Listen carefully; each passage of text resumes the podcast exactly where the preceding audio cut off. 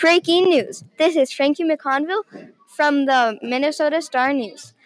This has been an exciting week of news. The fur trade is still an important part of the Dakota's lifestyle. New exciting items just arrived at the trading post to trade and buy.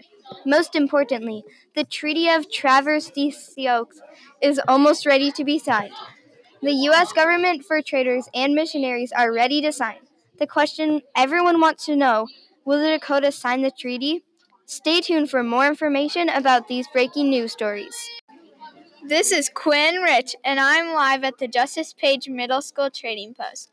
I think the Dakota will want the iron axe the most because it will be so much easier to chop down trees and kill animals for the Dakota. Back to you, Frankie. Thank you, Quinn. Now to the top news story.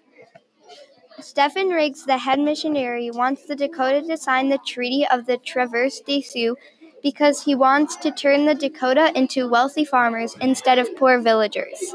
Should the Dakota sign the treaty or not? Little Crow is an important leader and chief to the Dakota people.